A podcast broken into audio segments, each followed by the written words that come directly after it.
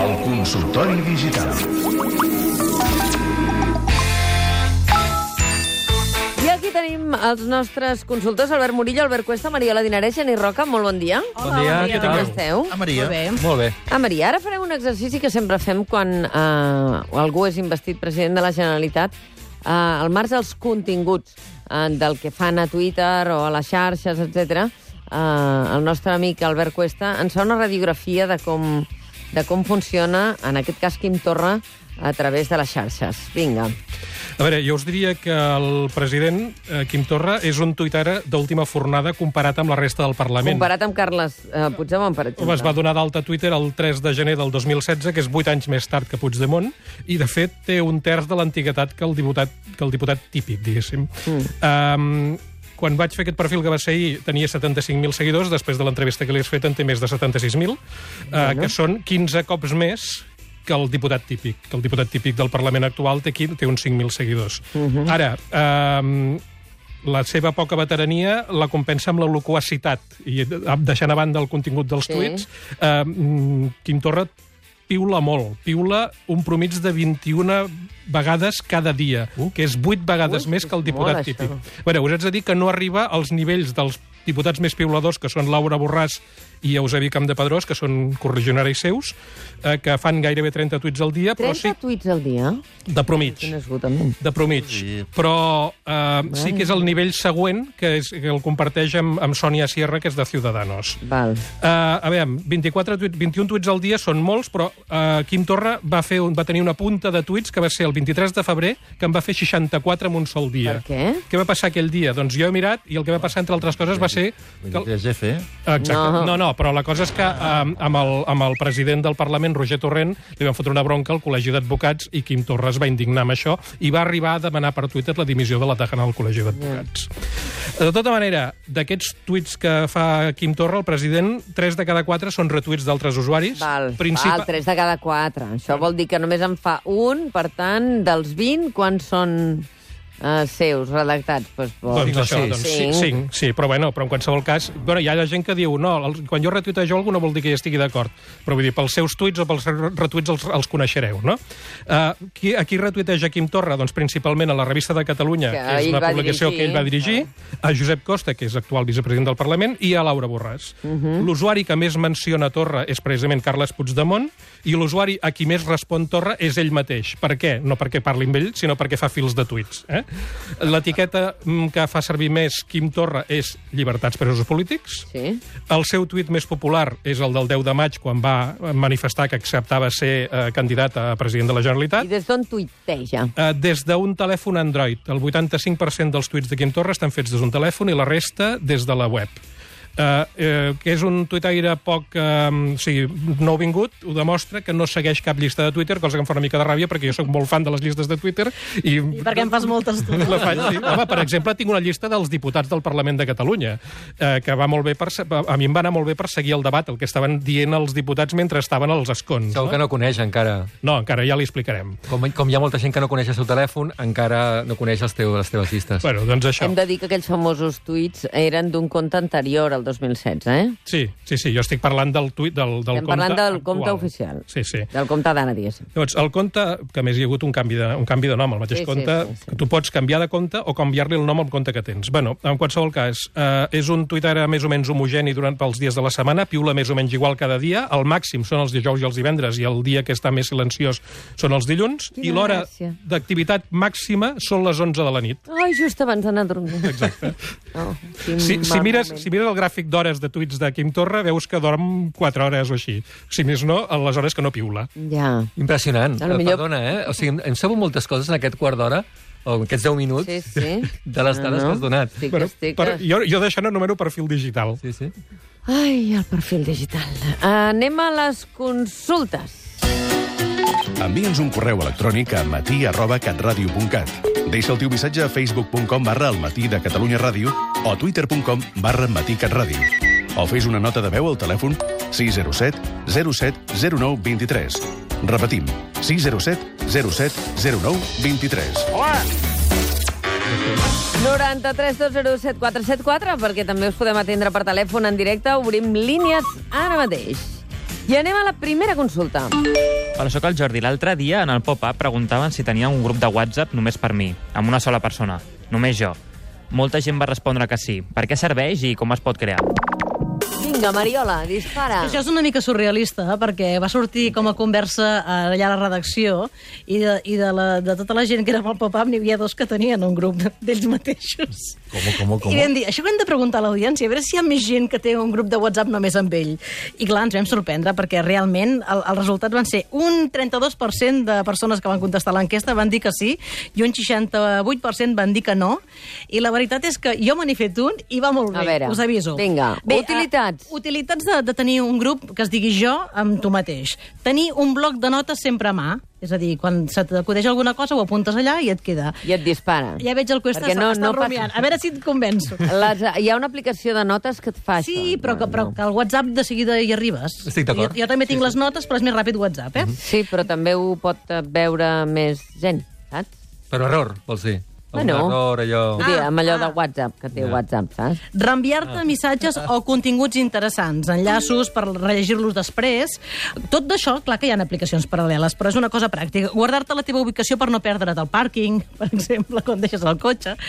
Enviar-te arxius des de dispositius. Si tens fotos al teu PC i les vols al telèfon, tu envies en un arxiu adjunt i no cal que te les descarreguis per no ocupar espai, però després la trobes allà. La ubicació està bé. I com es crea un grup de WhatsApp amb tu Clar, mateix? eh, crees el grup i inclous algú de confiança, l'expulses i et quedes sol. O no. No, no, es pot fer millor encara. Algú que no sigui de confiança i que li vulguis donar un missatge. No és per res, però vam obrir, obrir línies al, al pop-up i va trucar una persona que ja que bo. tenia una amiga que ja sempre la feia servir per això. Pobre. Diu que tinc molts grups, però ella ja sap que quan la, li poso en un grup després l'expulsaré, perquè jo creo molts grups per Però, mi. a- algú que et faci ràbia, fas el grup que Però posi creu gent molts grups per mi. Sí, sí, tenia com classificacions, grups, o sigui, jo amb un tema, jo, Jo, amb un jo, altre... casa, jo, amics, jo... Però clar, aquesta noia cada vegada, el primer cop ja va dir, dic, però què fa aquest? Em fa un grup i després m'expulsa. I ara ja ho sap, es veu aquesta noia. I cada vegada que, que rep un grup, doncs ja sap que l'expulsarà el seu amic després. És ben bé que la gent, que les empreses creen els serveis per una cosa i després la gent els fa servir perquè els hi rota. Útil, Vinga, segona consulta. Hola, bon dia. Sóc en Rafael, de Premià. Doncs mireu, m'agradaria saber quins aparells electrònics es poden configurar en català, o almenys eh, en els seus manuals si hi ha hagut l'esforç de traduir-ho en català. D'acord? Moltes gràcies, molt agraït, Déu. Albert Murillo. Doncs mira, precisament l'altre dia eh, un dels meus fills em parlava de la calculadora Casio eh, que es pot configurar en català i, i m'ho deia sorprès, eh? m'ho deia perquè no està gens acostumat a eh, veure-ho en els videojocs que juga, en el menú de la PlayStation o en el seu telèfon xinès Hisense. Qui està fent una tasca en tots els àmbits perquè això canvi és Soft Català, que té una llista d'aparells en català que va actualitzant, està allotjada a softcatalà.org i tenen recollits ara per ara uns 460 aparells que es poden buscar per marca o per sistema operatiu. La majoria són mòbils, però hi ha també aparells com calculadores. Um, és, és molt curiós perquè uh, en aquesta pàgina podem veure una ajuda que trobem és les instruccions per poder configurar el telèfon Android o iOS de forma fàcil en català. I això que diré ara ho vaig aprendre de l'Albert Cuesta, i és que el fet de triar el català, per exemple, en un mòbil, eh, a banda, evidentment, eh, doncs, de posar una primera configuració de, de, del terminal, va més enllà que tu puguis treballar i veure-ho en català, sinó que tot això, sobretot si eh, vas a recerca de Google, el que fa és comptar a internet que ho estàs buscant en català, i això és important, no? Efectivament, igual que quan tens configurat el perfil de Twitter, per exemple, en català, Sí. eh, Twitter sap que ets català, o que vols llegir en català, i això no és diferent de que tinguis el telèfon configurat en català. Eh? En qualsevol cas, la plataforma per la llengua també fa una feina molt bona de seguiment de serveis, aplicacions, productes que estan en, en català, i Dit això, eh, tu en parles d'equipaments tecnològics, però eh, ara sabeu que estem en plena revolució d'allò de la internet de les coses, dels objectes connectats, i aquí tenim un problema amb el català perquè la majoria d'aquests objectes connectats ni parlen ni entenen el català. Per exemple... Els cotxes. Gu eh, cotxes, exacte. Tu pots tenir el manual d'instruccions del cotxe en català, que probablement no ho està, però eh, lo important és que el navegador et, et, et tingui les teves ordres en català i te les respongui en català. Llavors, si no, has, en aquest moment no hi ha cap marca de cotxes que tu puguis navegar en català. Clar, Li has els assistents aplicació. igual, els assistents iguals. Exacte. El, Els el, assistents. Google, Haurem de parlar en castellà amb els assistents. Google va anunciar... Bueno, a Siri tu no li pots parlar en català. No, I Google dius va no anunciar... t'entén. Exacte. Busca'm el telèfon del Cuesta, si us plau. Albert Cuesta tiene varios números de móvil. Ha entès el català. A veure què has No, descobert. telèfon i cuesta. Sí. Ja ha dit Mira, ho ha entès perfectament, Sí, sí, eh? En deu haver pres. Clar, és, és, és, I parles tant en català que n'ha après. Intel·ligència artificial. Ei, ho ha entès, estic flipant. Això diu molt dels, dels A que diuen que no entenen el m'ha fet una català. Exacte. Busca'm el telèfon de l'Albert Murillo. El número de teléfono de Albert Murillo es más 34. Ai, ai, ai, ai.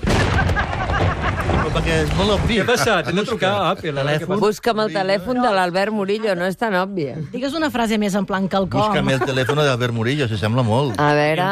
Una molt catalana segur que no. Perquè és bastant bilingüe. Com, com, hem, què hem de fer per sortir de l'atzucac? Quan durarà la legislatura? Quanto durarà la legislatura? No tienes ninguna alarma configurada para... No tienes ninguna alarma configurada para la legislatura. Mal, Mònic, eh? És una màquina molt intel·ligent. Si arriba a dir tienes alarmes configurades... Para esta legislatura... I tu ja sabes que és el dia tal. preguntes, eh? Mònica, que et pots posar aquí on... Vinga, uh, no hi ha res. Perdona, perdona. Això hauria de ser una secció eh, cada, cada dimarts, eh? Sí? La, la pregunta de la Mònica. Sí, sí. Sí, Perdona, ja vam portar... Podem tornar... Sí, la. Mònica sempre ens ha dit que hauríem de tenir aquí sempre La l'altaveu si- aquell. bueno, és que em vau La- prometre- la- L'Alexa. Per, per tenir més paritat, vam dir, Mariola, perquè no estiguéssim tu i jo soles, vam dir que volíem tenir a la L'Alexa, aquí. Alexa. L'Alexa, perdona. I no me l'has portat. En fi, anem a una altra consulta. Hola, sóc l'Enric Casas. Soc metge de família i en determinats espais de debat de la professió hi ha qui diu que aquest cop sí la tecnologia ens pot canviar molt la manera de treballar. Quan van sorgir les xarxes socials també es deia que els malalts s'organitzarien en col·lectius i més enllà d'alguna malaltia crònica, com ara la diabetis, en general la gent continua veient-me, eh, venint-me a veure si fa o no fa amb les mateixes consultes que abans, perquè els fa por que els puguin trobar a la xarxa eh, la informació que no és precisa ni correcta. La pregunta, amb això de l'internet de les coses, ara sí que va de debò que ens canviarà la feina? Geni Roca? A veure, uh, benvolgut Enric, uh, metge de família, dic que era, no? Sí, metge de Sí. família. Uh, té tota la raó que això de la internet de les opinions no ha acabat de trasbalsar el sector mèdic tant, tant i com es deia. Semblava que, que seria molt greu, no dic que no hagin passat coses, però hi ha sectors que han quedat molt més trasbalsats per aquesta internet de les opinions.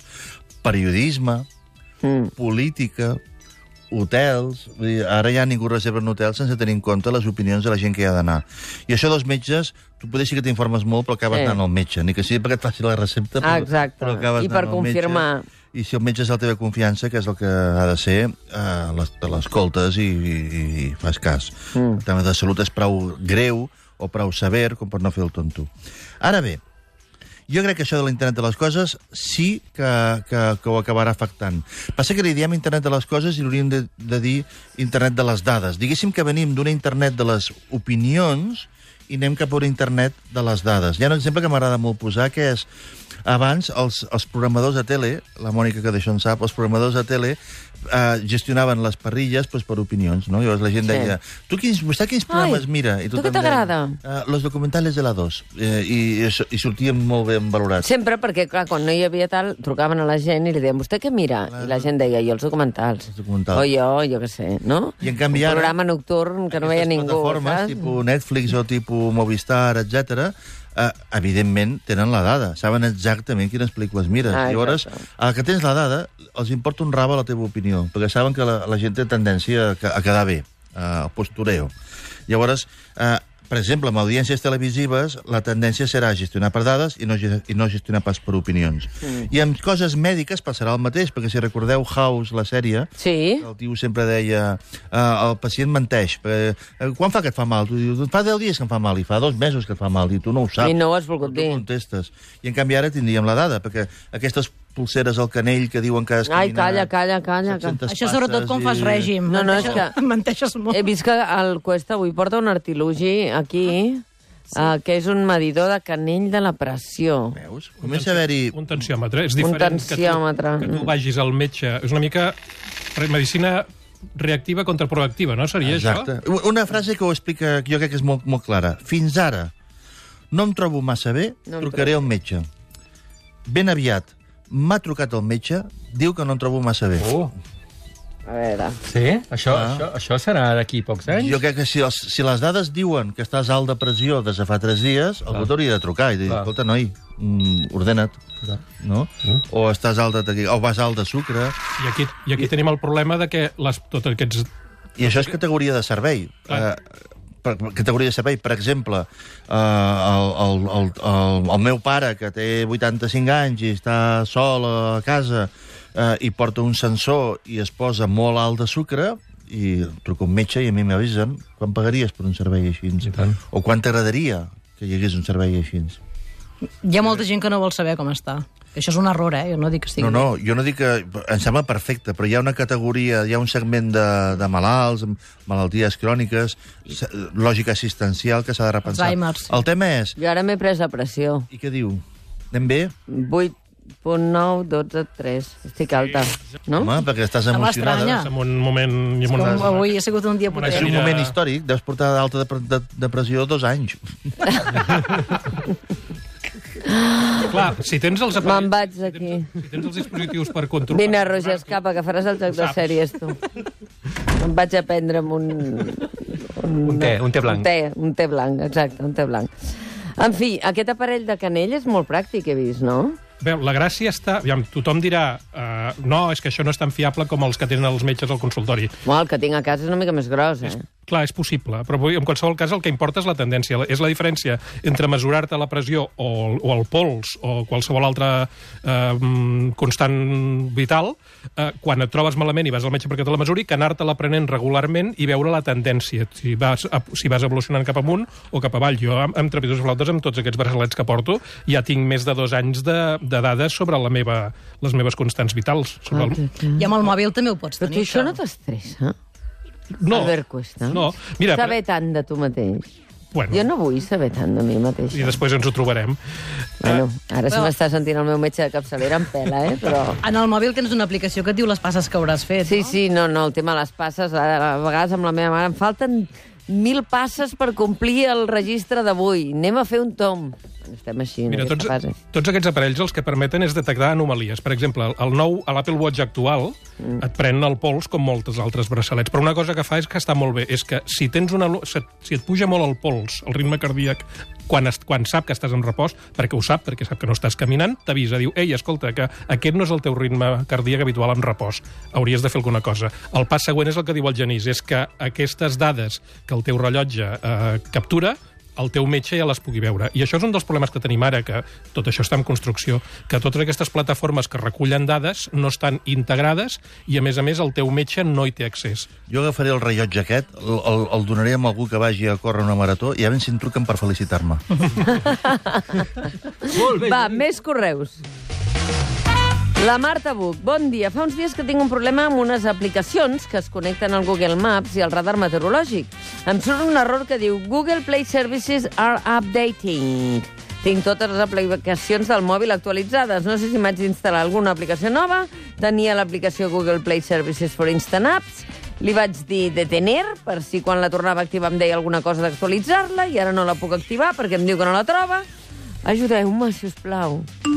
Ara, estimada Marta, qui li Eh, contesta? És difícil. Bé, és que, clar, això sempre penso quan passa una cosa d'aquestes amb aquests reinicis que fas als telèfons mòbils.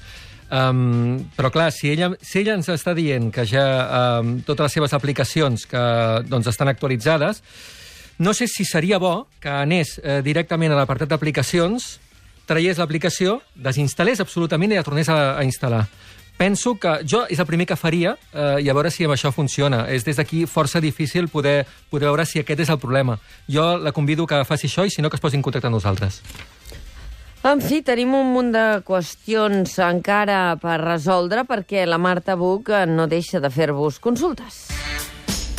Em volia comprar una lent gran angular pel mòbil, però tinc un mòbil que té doble càmera, el Huawei P6, t'has sentit, Albert Cuesta? I no sé si al tenir dues càmeres aquestes lents m'anirien bé pel meu mòbil. Eh, Una lent gran angular de, eh, suplementària pel mòbil amb un mòbil que ja té lent gran angular, jo diria que és redundant. Mm, redundant. Normalment els mòbils que porten dues, dues lents, o tres, el cas del Huawei P9 en porta dues, una és un teleobjectiu l'altra és una, una lent que té tendència a ser gran angular, llavors el que fan és combinar-les les dues per fer diversos efectes. Jo no crec que... Aviam, el que ac- acabaria aconseguint, suposo, seria l'efecte ull de peix. Això és el que que és molt a dir, evident. sí. Si, si tu vols un efecte ull de peix, aquestes lents que són una pinça que es posa Sí. al telèfon, van bé. També t'haig de dir que la qualitat òptica és bastant dolenta, vull dir que si no tens molta llum eh, perds qualitat d'imatge. Però l'efecte estrictament gran angular no crec que el aconsegueixi, a no ser que vulgui un ull de peix. Molt bé, doncs ho heu resolt tot bastant dignament, eh? I, eh, de moment, eh, Podrien encarregar una conselleria. jo tinc una consulta encara que resoldré d'aquí uns minuts, però que vosaltres no sou consultors digitals, que és què han acordat Mariano Rajoy i Pedro Sánchez en la reunió que han tingut a Moncloa sobre el 155? I han acabat. Sí, en- crec que sí, eh? I ara ho sabrem perquè connectarem de seguida amb els nostres corresponsals a Madrid. Uh, sí, sí, perquè em temo que alguna cosa hauran acordat, saps? Més enllà del que havien de fer, que és aixecar-lo, ho veurem. La cobertura de wifi no t'arriba a totes les habitacions de casa? No. No saps quin mòbil comprar-te? No, ara mateix no caigo, no. Vols desaparèixer de Facebook i no saps com fer-ho? Ara! Aquesta temporada, al matí de Catalunya Ràdio, obrim consultori digital. Ara! Ara sí! Albert Cuesta, Mariola Dinarès, Genís Roca i Albert Murillo resolen els teus dubtes. Cuanto peor, mejor para todos. Y... Deixa'ns una nota de veu al WhatsApp del 607 07 09 23. Repetim, 607 07 09 23. Hi ha preguntes que no tenen resposta. O envia'ns un correu a matí arroba catradio.cat. Cada dimarts a les 11, consultori digital. Muy bien. Al matí de Catalunya Ràdio, amb Mònica Terribas.